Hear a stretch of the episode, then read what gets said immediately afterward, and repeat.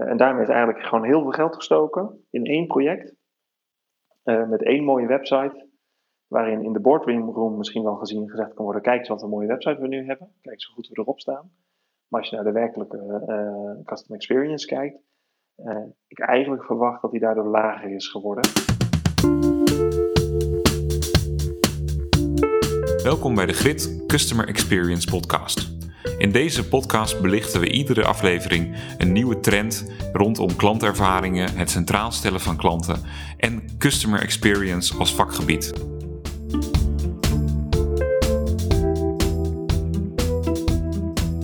Welkom bij, uh, bij podcast 4. Uh, eh, deze podcast gaan we het hebben over uh, de disconnect tussen CX-ambitie en realiteit. Dus hoe kan het nou dat er customer experience ambities zijn, vaak binnen de hogere regionen van bedrijven, en dat er toch in de realiteit van die ambitie weinig terechtkomt, of dat in ieder geval in de organisatie niet zo wordt doorleefd als zou moeten om ook daadwerkelijk die ambities waar te maken. Um, deze podcast doe ik samen met mijn compagnon, goede vriend en businesspartner Jeroen Grit. Um, en nou, wij gaan een gesprek hierover over hebben. Dus ja, welkom Jeroen bij deze podcast. Ja, dankjewel. Leuk. Dus, voor, Leuk om naast luisteraar ook deelnemer te zijn.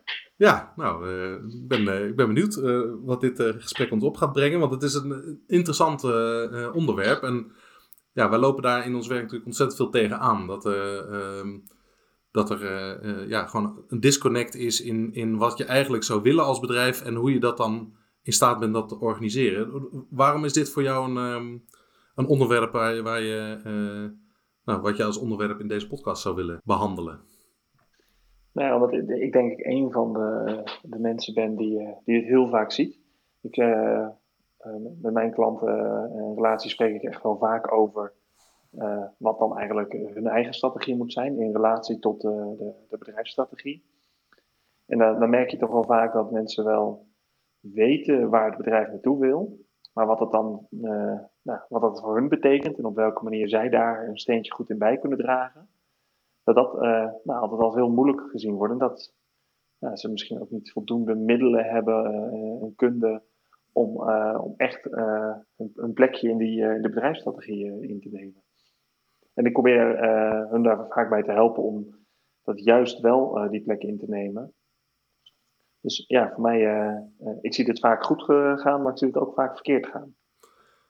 Ja, en, en als, je het, um, als je dat dan zo zegt, hè, van hoe, hoe komt dat dan tot uiting? Zijn er voorbeelden van hoe, waar het goed werkt, die je zou kunnen noemen, of waar het minder goed werkt? Hoe, hoe, hoe zie je dat, zeg maar?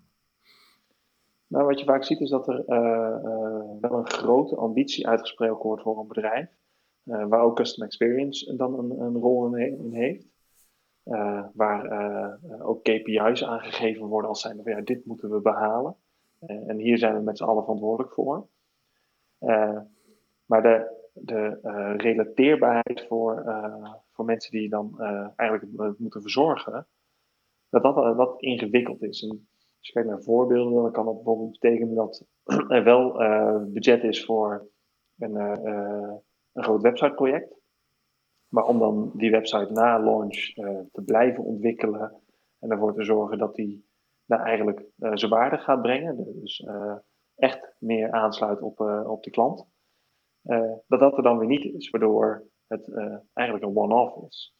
En waar je het vaak wel, wel weer goed ziet gaan, is de momenten dat er misschien wel wat kleinere stappen gedacht wordt. Dus niet in één keer de, een hele grote stap zetten met een nieuwe website bijvoorbeeld, maar veel meer itereren. Dat daar nou, va vaak meer mogelijkheden ontstaan. En ja, uiteindelijk zie je toch vaak dat er het vooral start-ups of bedrijven die die niet al eh, tientallen jaren oud zijn, hier, eh, hier goed in blijken te zijn. Ja, ja wat je ook eh, in het voorgesprek ook zei, hè, van ehm, de, de, je had het over een familielid die ehm, in de, ehm, als, bij, als ontvangstmedewerker werkt en die alles eraan doet om klanten goed te ontvangen en een goede experience te geven. Ja. En wat, wat ik da- van dat eh, voor, eh, voorbeeld eigenlijk grappig vond, is dat eigenlijk het eh, CX is aan de ene kant dus iets ongrijpbaars. Dus je, je customer experience, het leveren daarvan, blijft toch iets van een black box. Want de individuele medewerker heeft er zo'n grote impact op. Dat, dat laat zich ook bijna niet sturen, zou je bijna zeggen. Zie, je dat, zie je dat ook? Ja, ik denk in, dit voorbeeld, eh, eh, dus zij ontvangt mensen aan de balie, neemt de telefoon op, eh, belt mensen. En dat doet ze vanuit een, eigen wil om dat zo goed mogelijk voor die klanten te laten verlopen. En, en dat heeft ze zelf met haar collega's, ze dat zo opgezet. Dat is geen opgelegde scripting of houding of eh, iets in die trant. Terwijl ja, de, de, het, het is wel eh, te realiseren. Dat zie je toch vaak bij eh, eh, een voorbeeld wat ik heb, is eh eh, Plantsum. Een, website die eh, eh, eigenlijk gewoon een e-commerce site in de planten. Dus je krijgt planten afgeleverd thuis, eh, kamerplanten. En eh, dat, dat is wel eh, in die zin anders dan eh, de meeste mensen kopen toch hun planten bij de, bij de intratuin of, eh, of ja, waar je planten, een plantenzaak. Eh, en wat zij heel erg in hun communicatie hebben ontworpen, is dat het een prettige interactie moet zijn. Heel erg gericht op het helpen. Heel erg eh, gericht dat het ook, eh, ondanks dat er iets mis is gegaan, eh, dat het ook gewoon eh, een leuk gesprek is. En dat er dus niet eh, een vervelende emotie op komt te zitten of iets dergelijks. Dus, eh, en mijn geloof is dat, eh, eh, want ik had vorige week iemand van Plantsam op de chat, omdat ze een verkeerde plantenpot geleverd hadden, is dat wel dat zoiets ontworpen is. Dat degene die ik op de chat had, dat die gewoon niet zozeer een script heeft liggen, maar wel een, een training heeft gehad en ook een, een eigen mandaat om gewoon eh, het voor mij zo goed mogelijk op te lossen. Dus in, in mijn geval, ik heb een nieuwe, eh, nieuwe plantenpot gekregen, maar de oude die verkeerd bezorgd was, die mocht ik ook houden. Eh, dus ik hoefde niet die nog weer in te pakken en naar het postkantoor om terug te sturen. voor mij was het gewoon een soort win-win. Ik krijg en de pot die ik besteld en betaald heb, en ik heb er nog eentje extra. Ja. En het was ook nog eens een prettige, prettige interactie. En daar zit denk ik een ding in. Ik denk dat het voor veel bedrijven een black bo- box is. Maar er zijn echt wel voorbeelden in de markt die, dat die eh, door medewerkers echt mee te nemen in eh, wat ze voor het bedrijf in, eh, voor ogen hebben, Mhm. wel die, eh, die ambitie waar weten te maken. toen we het in het voorgesprek ook over hadden, eigenlijk de, de goede voorbeelden zijn eigenlijk ja, jonge bedrijven in ieder geval. Waarvan de meeste ook nog in een soort scale-up fase zitten. Een aantal worden al wat meer mature. Ehm, wat zou dan een vijand zijn van die, ja, van die initiële eh, top customer experience, die, dat, hè, die dus in lijn is met die ambitie die ze misschien ook heel expliciet in het begin hebben. Wat, wat, zou die CX dan op een gegeven moment eh, kwaad doen? Of waardoor zou dat afnemen? Ja, veel, voor, ik denk voor veel bedrijven dat het in schaal zit. Dus dat ze eigenlijk eh, dusdanig groot worden dat, eh, dat het moeilijker wordt om eh, op die schaal eh, eh, mensen op die manier mee te krijgen. Of om simpelweg eh, de, de vraag te kunnen beantwoorden. Ik denk dat, dat Tesla daar wel een mooi voorbeeld in, eh, in is. Die hebben met hun, eh, laatste mo- model, eh, de Model 3, zoveel succes dat eh, ze ineens eh, nou, een heel groot deel van de autovloot van Nederland eh, eh, te pakken hebben. Eh, wat ook betekent dat een, eh, werkplaatsen, wat er eh, een stuk of vijf of zo in Nederland zijn, dat die ineens veel meer onder druk staan. Eerst waren er toch de, de duurdere, meer luxe auto's die, die daar terecht moeten, en dus ook een, een kleiner aantal. En wat zij bijvoorbeeld veranderd hebben, is dat de werkplaats kan je niet meer bellen. Mhm. Wat je dat bij eigenlijk elke andere eh, autodealer wel gewoon kan doen. Je kan gewoon een gesprek hebben met degene die in de werkplaats aan de balie staat. En het gewoon hebben over je auto, wat er in de planning staat. Mhm. En eh, allerlei speciale kleine dingetjes daar ook in meenemen. En die vrijheid is er niet meer bij Tesla. Eh, waarschijnlijk doordat dat ze zo hard zijn opgeschaald en het dus de, de traffic niet meer aankonden. waardoor ze dus eigenlijk een kanaal dichtgooien en het voor de klant lastiger wordt om een, een gewone interactie te hebben zoals ze eigenlijk gewend zijn met een auto. Dus ze hebben niet dat opgevangen met een uh, keigoede chat of een app. Of, uh, dus jij hebt als klant nog steeds die behoefte om uh, persoonlijk contact te hebben. En dat hebben ze eigenlijk uitge uitgezet. Dus ze hebben eigenlijk een deel van hun... Ja, ja een, een chat. er is een chat. Ja. maar antwoorden daarop blijven, blijven dan uit. Dus, dus, er staat een chat aan, maar er kom, komt geen antwoord terug. Mm -hmm. er is een mailadres. Maar ook daarop, uh, ik geloof dat het een week, een eh, week duurde voordat ik een antwoord had. Ja. En, mijn simpele vraag was, uh, heb ik een leenauto en gaan jullie dit stuk van de, de beurt ook doen? Ja. Dus ik had eigenlijk een vrij simpele, simpele vraag. Even iets controleren. En dan zou een belletje voor mij veel makkelijker zijn geweest. Wat ik ook voorheen deed. Ja. Het is toch grappig hè? Dat, dan een bedrijf wat eerst als uh, best practice uh, voorbeeld uh, genoemd werd. natuurlijk ook door de goede product experience. Hè. Dat zien we bij Apple natuurlijk net zo. jij noemt ook altijd het voorbeeld van, van Apple. Ehm, dat ze een, een super product experience hebben. En misschien ook wel een goede in-store experience. Maar dat als je iets digitaal of online bestelt ehm, dat dan toch de, de custom experience uh, minder is. Uh, ik geloof dat jij een eh, persoonlijke bezorger hebt in jouw wijk ten opzichte van, ehm, van de UPS, wat je dan altijd noemt. Maar, ik ben een heel erg fan van Apple. al mijn producten zijn ongeveer, tenminste, mits Apple ze heeft, zijn van Apple. maar ik bestel ze niet bij Apple. Ik bestel ze dan bijvoorbeeld bij Coolblue. simpelweg omdat Apple met UPS bezorgt. En UPS weigert bij de buren af te leveren, ondanks dat je daar toestemming voor kan geven met een papiertje en weet ik wat allemaal. Dus ik heb letterlijk een keer gehad dat mijn buurman, die hoorde het busje al aankomen, die had ik gewaarschuwd van joh, uh, kan je dat product aannemen? Die is al naar buiten gegaan en de, de bezorger zei van ja, dat mag ik niet.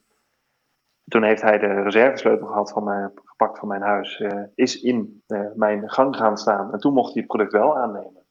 Ja. En dat zijn voor mij de momenten dat ik denk van ja, voor mij ga je dan een beetje voorbij aan, uh, aan, aan, hoe je regeltjes zouden moeten werken. Ja. Terwijl ik heb ook uh, een pakketbezorger, die heb ik in mijn telefoon staan. En die doet er gewoon alles aan om zijn pakketje goed bezorgd te krijgen. Dus die kan je gewoon s'avonds een berichtje sturen en zeggen: joh, ik heb een, een, een, een papiertje in de bus. Uh, ben je nog weer onderweg?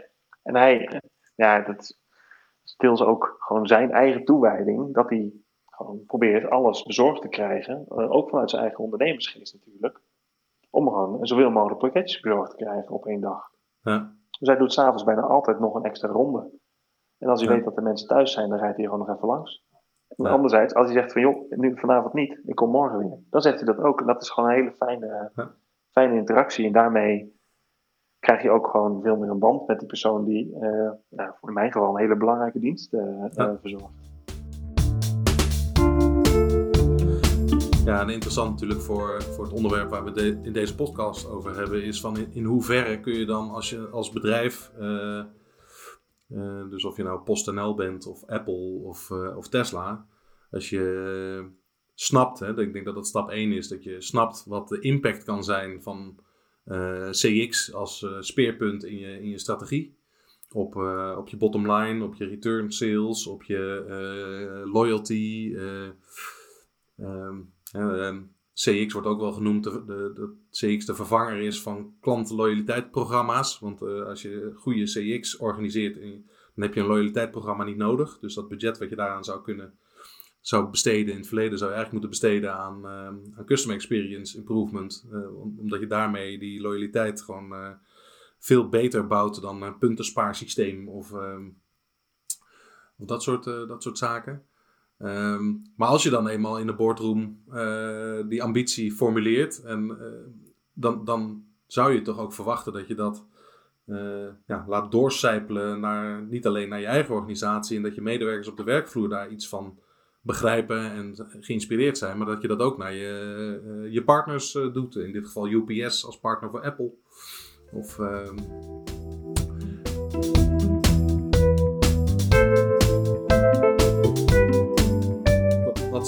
dingen waarin je die, die chain, hè, die, die CX-chain, om het zo maar even te noemen, dat die doorbroken wordt. Dus dat die, dat die Ja. aspiratie of die strategie, gewoon dat, dat je in, ergens in een organisatie terechtkomt waarvan je zegt, ja, hier gaat het eigenlijk mis. Heb je daar een voorbeeld van? Ja, ik heb wel één bedrijf dat. eh, het bedrijf bestaat uit acht verschillende business lines. En die worden eigenlijk gedraaid als zijnde losse bedrijven. Dus elk bedrijf, eh, elke business line heeft een eigen dir- directeur. Is ook letterlijk directeur van een BV. Eh, en mo- mogen dus een behoorlijk eh, hun eigen, eigen gang gaan. Eh, moeten ook een eigen gang gaan. Maar naar buiten toe zijn ze een bedrijf. Dus het is niet dat er acht verschillende accountmanagers bij, bij de klanten langskomt. Dat wordt zowel zoveel mogelijk gedeeld, maar kan nog stukken beter. Wij hebben daar toen een project gedaan voor een, eh, een digitale experience. Met als eerste stap om eigenlijk een website voor nieuwe klanten eh, beter neer te zetten. Waarin eh, in vergelijking met voorheen al die acht verschillende bedrijven als één eh, eh, neergezet zullen worden. Ook met eh, gedeelde proposities, eh, met gedeelde servicecontracten. Gewoon ervoor zorgen dat het echt eh, ook voor de klant veel meer meerwaarde zou kunnen bieden. Eh, hoge ambitie. En daarna om dan ook eh, de MAI-omgeving, waar al heel veel mee gewerkt wordt door hun klanten, ook verder te verbeteren. Eh, zodat ook daar een veel betere eh, experience neergezet wordt. Ook vanuit die acht verschillende bedrijven gezien. De website is er gekomen. en die is erg mooi geworden, helemaal gelukt. Het enige wat verzuimd is, is dat de oude websites van al die bedrijven, die hadden allemaal hier en daar een eigen, eigen websiteje. Die zijn niet uitgezet. Dus het, het landschap is nog meer versnipperd hierdoor dan, eh, dan voorheen. Mhm. Eh, de ambitie die er was, die, die geldt nog wel, maar de budgetten die zijn er niet meer eh, eh, mee, eh, die komen daar niet mee overheen. Dus de volgende stap zetten is, er, is eigenlijk niet mogelijk. En wat daar het meest vervelend aan is, is dat in ons project hebben we eh, zo'n 30 klanten geïnterviewd op locatie. En daar ook een outlook gegeven van hoe het project eruit ging zien. En al die klanten, die, zeiden, die konden wel terugrelateren naar het moment dat ze nog geen klant waren. En hoe ze dat selectieproces toen gedaan hebben. Eh, zodat wij ook de belangrijkheid van die website een plek kon konden geven. Maar ze gingen vooral eh, eh, verder over die MAI-omgeving. Waar ze heel veel feedback op hadden en echt uitkeken naar een nieuwe versie. En dat project loopt nu gewoon niet meer. Terwijl de, die klanten is gevraagd om een, eh, een uur tot anderhalf eh, uur van hun tijd in te leveren om input te leveren. Eh, we hebben ook gezegd van, of eigenlijk de klant, onze contactpersoon daar heeft ook gezegd van we houden je op de hoogte. Ja, dat contactpersoon werkte niet meer, het project loopt niet meer. En die klanten die, die, die zitten weer in een situatie als daarvoor. En daarmee is eigenlijk gewoon heel veel geld gestoken in één project. Met één mooie website. Waarin in de boardroom misschien wel gezien gezegd kan worden: kijk eens wat een mooie website we nu hebben. Kijk eens hoe goed we erop staan. Maar als je naar de werkelijke eh customer experience kijkt, eh, ik eigenlijk verwacht dat die daardoor lager is geworden. Omdat het eh, nu op twee plekken content te vinden is over een bepaalde dienst. Ja. En die content is niet altijd hetzelfde. Ja. En, en de, wat was de reden dan dat, dat ze dat niet zo aanpakten? Want ik neem aan eh, eh, nou, dat wij dat ook eh, gezegd hebben en dat ze ook onze opdrachtgever wel zag van dat dat niet handig was. Of, hè, dus het, het ontbreekt vaak niet aan inzicht of, of goede wil. dus waarom, waarom gebeurt het dan niet? Ja, wat in dit geval eigenlijk gewoon de korte termijn die prevaleerde boven de lange termijn. Ja. En in die zin werd er meer volledig gestopt dan dat er gezegd van oké, dan gaan we nu op een, eh, we blijven stappen zetten. Eh, we blijven eh, wat voortgang maken, maar gewoon op een lager tempo. Mhm. Dat, dat was ook mijn, mijn advies van blijf in beweging, blijf voortgang maken en zorg ervoor dat je daarmee dus eigenlijk deze investering niet weggooit. Ja. Want als je nu het stopzet en over een half jaar of een jaar je, eh, kom je op het punt van dat je eigenlijk weer verder wil, want dat wordt wel uitgesproken van ja, we stoppen voor eventjes. Eh, ja, dat half jaar of jaar later eh, kan je eerst eh, een heleboel dingen eh, eigenlijk ver- weer terug verbeteren wat je, wat je al nog een keer gedaan hebt. Ja. Dus dan, die investering die, ja, die verdien je gewoon niet terug. Nee. Dus, dus in die zin moet je ook echt oog hebben voor de long game. Je, ja. Het is niet, niet even een projectje om de CX te fixen. Je, het is echt een, een ja, iets wat totaal door de hele organisatie doorleefd moet worden en ook constant verbeterd moet worden of constante aandacht moet hebben. Ja, en ik denk dat daarin ook uh, in die zin uh, meer de, de, de ambitie moet zijn om steeds een stap te zetten mm dan één hele grote. Ja. En ik denk dat daar de, de lastigheid zit dat, dat vanuit management er een grote stap verlangd wordt want ambitie. Maar de, uh, vanuit de, de, werkvloer gezien, uh, zij moeten nog kunnen relateren naar wat die ambitie eigenlijk voor hun betekent. ze moeten daar de verschillende middelen voor hebben. En uiteindelijk is een grote stap zetten heel ingewikkeld. Dat betekent dat je eigenlijk voor veel mensen een project erbij krijgt, daar vol gefocust mee aan het werk bent, waardoor je dus ja, je normale werk op een lager pitje doet en je dus uh, opgesomd bij elkaar misschien niet eens de voortgang maakt die je, die je kan maken.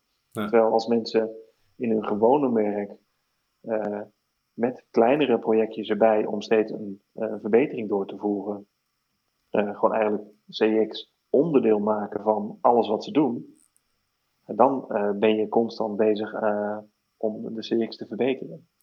Ja, en daarmee dus ook eigenlijk de, de bedrijfsstrategie niet alleen maar deelbaar te maken of, of, communiceerbaar te maken, maar ook echt laten omarmen door iedereen in de organisatie. Dus dat iedereen ja. kan relateren.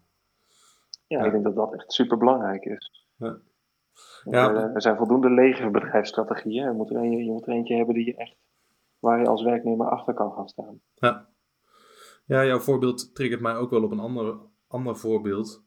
Waarbij je dan toch tegenaan loopt dat als je dan de ruimte en, en het programma hebt om, om echt uh, eh, 100% te gaan voor die, uh, het verbeteren van die customer experience. Dat je op een gegeven moment dan toch tegenaan loopt dat een organisatie is opgedeeld in verschillende domeinen of verschillende silo's, zeg maar. Dus dat je er toch dan op een gegeven moment op een punt komt van ja, maar ja, wij, wij zijn hier van digital marketing. Of ja, wij doen sales en support. Of nee, wij zijn van de log logistiek en de supply chain. Dat je eigenlijk dus uh, niet alleen dus de, de, de verandering uh, in stapjes continu moet hebben, maar dat je ook die samenwerking heel erg nodig hebt. Ja. Ehm, want ja, een, een, custom experience houdt niet op bij, bij een mooie website of bij een, een goed callcenter, zeg maar. Het gaat dan ook van, oké, wat kun je dan bieden? Zoals bij Plansum, het voorbeeld wat je net noemde je hebt niet alleen een prettig gesprek en er wordt niet jou alleen een nieuwe plantenpot eh, beloofd. Maar die is er dan vervolgens ook. Dus de, de, de hele chain of de hele uh, cirkel zeg maar rond, rondom uh, die interactie. Ja. Um, heb je nog, um, nog andere voorbeelden? Um, die, want feitelijk hebben we al redelijk breed de dingen benoemd. Nou, dus... wat, degene die je net noemt, uh, dat, uh, dat geeft wel een, uh, een, ideetje. Het idee dat, dat customer experience echt silo-overstijgend moet zijn. Mm -hmm. um, daar heb ik ooit wel een project gedaan dat was voor een, een, een, een groot chipbedrijf. En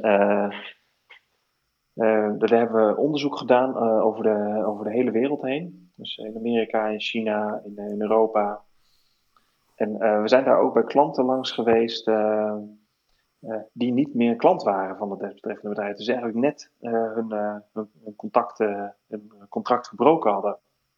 Dat was wel een van de meest interessante interviews die ik denk ik ooit met een klant gehad heb. naast de locatie ergens op een fabrieksterrein in, in China was al, al heel tof. Maar ook nog eens dat die man eigenlijk aan het vertellen was van ja, dit doen jullie super en dat doen jullie super en jullie vertalen jullie uh, datasheets uh, netjes naar het Chinees. En dat klopt dan ook. Zij wist allemaal hele goede punten te noemen. Dus rondom het product, rondom de informatievoorziening. De relatie met de accountmanager die hij had, was ook allemaal goed. Hij zegt, ja, waarom, het is mijn grote waarom, waarom zijn jullie weggegaan dan? En jullie leverden niet. Gewoon, wij hebben een strakke deadline. En als jullie twee dagen te laat leveren, dan loopt ons proces in de soep. En dat, dat hebben jullie twee keer gedaan. En dan gaan we door. Ja. ja. En zo, zo duidelijk is dan die silo's. Dus dat overal in het bedrijf wordt heel hard gewerkt aan uh, ervoor zorgen dat er zo goed mogelijk custom experience zit. Ja. En in één schakeltje in het proces uh, uh, valt die om. Ja. en dan is het maar twee dagen. En ook denk ik, distributie zal een absoluut de beste hebben gedaan om op tijd te leveren. Maar ik denk dat dat een van de voorbeelden is, is dat je echt op alle vlakken met custom experience bezig moet zijn. Ja. want er zat ook, en dat gaf hij aan, een heel groot deel in de informatievoorziening dat het niet zozeer was dat ze twee dagen te laat waren, maar dat hij het op het levenmoment het ook, dat hij als het ware op de stoep stond te, te wachten tot de vrachtwagen kwam. Ja. Terwijl het desbetreffende bedrijf wist al dat ze niet op tijd gingen leveren. Dus die informatievoorziening, anders had hij daar dus in zijn proces uh, op kunnen reageren. Dus die, als daar contact over was geweest, dan hadden ze daar veel meer mee gekund en waren ze waarschijnlijk als klant niet weggegaan.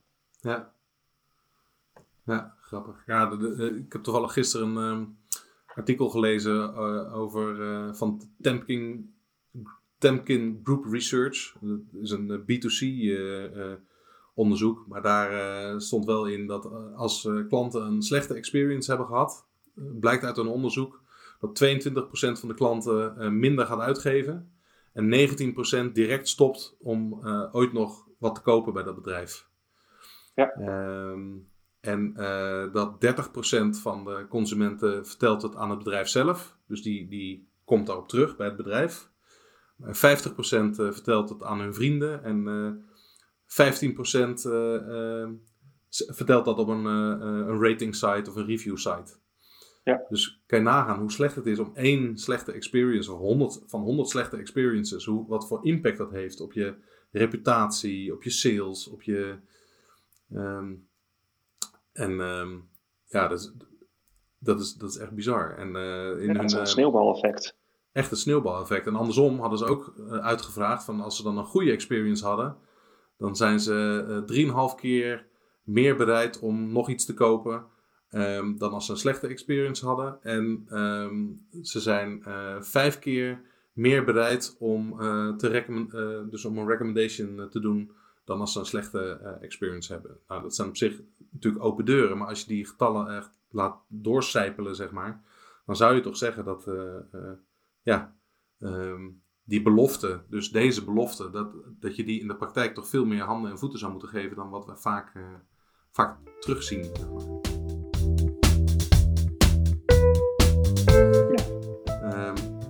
Als we dan zo eh, een beetje zo, eh, daarop bespiegelen en die, en die voorbeelden voorbij laten komen, ehm, dan is het dus eigenlijk de oplossing dat je ehm, in, niet one-off verbetering doet. Hè? Dus dat je uh, meer in een evolutie denkt dan in een revolutie. Ehm, dat je in staat bent om silo's te overbruggen. Dat je die strategie deelbaar en omarmd krijgt. Dus dat je een deelbaar maakt en dat je zorgt dat medewerkers hem kunnen omarmen. Dus dat die link tussen management en werkvloer gewoon goed is. En, en eigenlijk zeggen we daar ook nog bij, ja, ook naar de partners toe. je moet al de boxes afvinken, wil je echt een top custom experience kunnen, kunnen bieden. En oh ja, wat we ook nog zeiden, dat heb ik net opgeschreven het is wel de long game, zeg maar. Dus korte termijn gewin is eigenlijk per definitie een, uh, uh, schadelijk voor je, voor je custom experience uh, die je levert als bedrijf. Ja, ik denk dat dat absoluut gewoon rekening mee houdt dat elke stap die je zet onderdeel moet zijn van, van die long game. Ja. en dat dat dus weer een stapje vooruit is. Ik denk dat daar de, de, de, de crux zit. Ja. En dat dat ook gewoon echt nodig is om CX eh, serieus te nemen. Ja. ja, en dan wordt het heel interessant in de tijden waarin we nu zitten. Van wat gaat dat dan voor impact weer bieden aan, aan customer experience, zeg maar. Heb je daar nog over nagedacht? Van als je dan nu kijkt naar de, de corona-outbreak en... Ehm, ja, ik, wat ik daar wel interessant aan vind, is dat uh, is er, gaat nu uh, door in Nederland de meeste bedrijven die gelijk ingrepen met thuiswerken, die zijn nu, zitten nu in week 5 van thuiswerken. Um, dus er ontstaat een nieuwe normal. Van mensen die en sinds een paar weken dan ook hun kinderen daarbij bij thuis hebben. dus, dus werken en dat invullen wordt anders. en nog meer dan voorheen gaan mensen dus digitale kanalen opzoeken. Want als mensen s'avonds werken omdat de kinderen dan op bed liggen, dan kunnen ze niet zoals gewoonlijk bellen. De accountmanager die altijd eens in de maand langskwam, ja, die, die kan nu niet langskomen. Dus die moet een plekje in iemand, iemands agenda vinden met een belletje. en dat is, misschien is dat precies het moment dat iemand bezig is zijn kinderen mee te onderwijzen. Um, en het, het interessante daaraan is, is dat veel bedrijven nu door de situatie budgetten naar beneden halen. En marketingbudgetten zijn daar vaak, vaak de een van. Gewoon om volop op salesondersteuning te, te gaan. en in binnen marketing zit ook vaak digital marketing, oftewel de website. Dus bedrijven die stoppen of gaan een stuk minder investeren in hun websites. Terwijl klanten veel meer digitaal uh, zich gaan. Dat is, terwijl klanten veel meer digitaal een, een plek gaan zoeken en, en hun antwoorden gaan proberen te vinden. Dus de salesondersteuning zit ook in passieve informatievoorziening en ervoor zorgen dat, het, dat de website het saleswerk voor je doet. En daar zit denk ik de, de, de belangrijkste kant in. Nou, dat is interessant om te kijken en ik denk dat dat een aparte podcast waard, waard is. Ehm, in ieder geval, ja, ik denk een interessant, ehm, interessant gesprek wat we gehad hebben. dank voor je deelname. Hoe vond je het zo, de eerste, eerste podcast ja, meedoen? Leuk. het is, ja, wat, ik, wat ik zeg, het is best wel... Het, het, het, is een interessant onderwerp en iets wat ja, wat mij wel bezighoudt. En dan is het ook gewoon wel, wel leuk om daar gewoon eens een, eh, een half uur gewoon over te filosoferen. En ja. te denken, hoe zit het nou eigenlijk? En, en, op welke wijze kunnen we daar nou een stap in zetten? Want ik geloof wel dat des te meer bedrijven een custom experience verbeteren, des te meer mensen, met, in B2B in dit geval, met plezier hun werk kunnen, kunnen doen. Ja. En dat is wel een van de redenen waarom, waarom ik dit zo'n belangrijk onderwerp vind. Ja. Nou, Cool. Ja, we hebben deze podcast weer eh, remote eh, opgenomen, net als de, als de vorige. Dus uh, Jeroen die zit thuis en ik zit ook thuis. Dus eventuele bijgeluiden die, die komen daar vandaan. Maar volgens mij is het aardig, hebben we aardig om de verstoringen heen kunnen, kunnen praten. Dus hartstikke goed. Um, binnenkort weer een, een, nieuwe podcast. dan zal Bram een gesprek voeren met een collega over een onderwerp uit wat te maken heeft met customer education en in ieder geval bedankt voor het luisteren. Uh, in de show notes uh, zullen we wat, uh, wat notities opnemen. En kun je ook, raad je ook zeker aan om andere podcasts te luisteren. En nou, vond je iets van dit onderwerp en heb je zelf voorbeelden? laat ze achter in, de, in de comments. Dus dank voor het luisteren. En Jeroen, bedankt voor het gesprek. En nou, tot de volgende.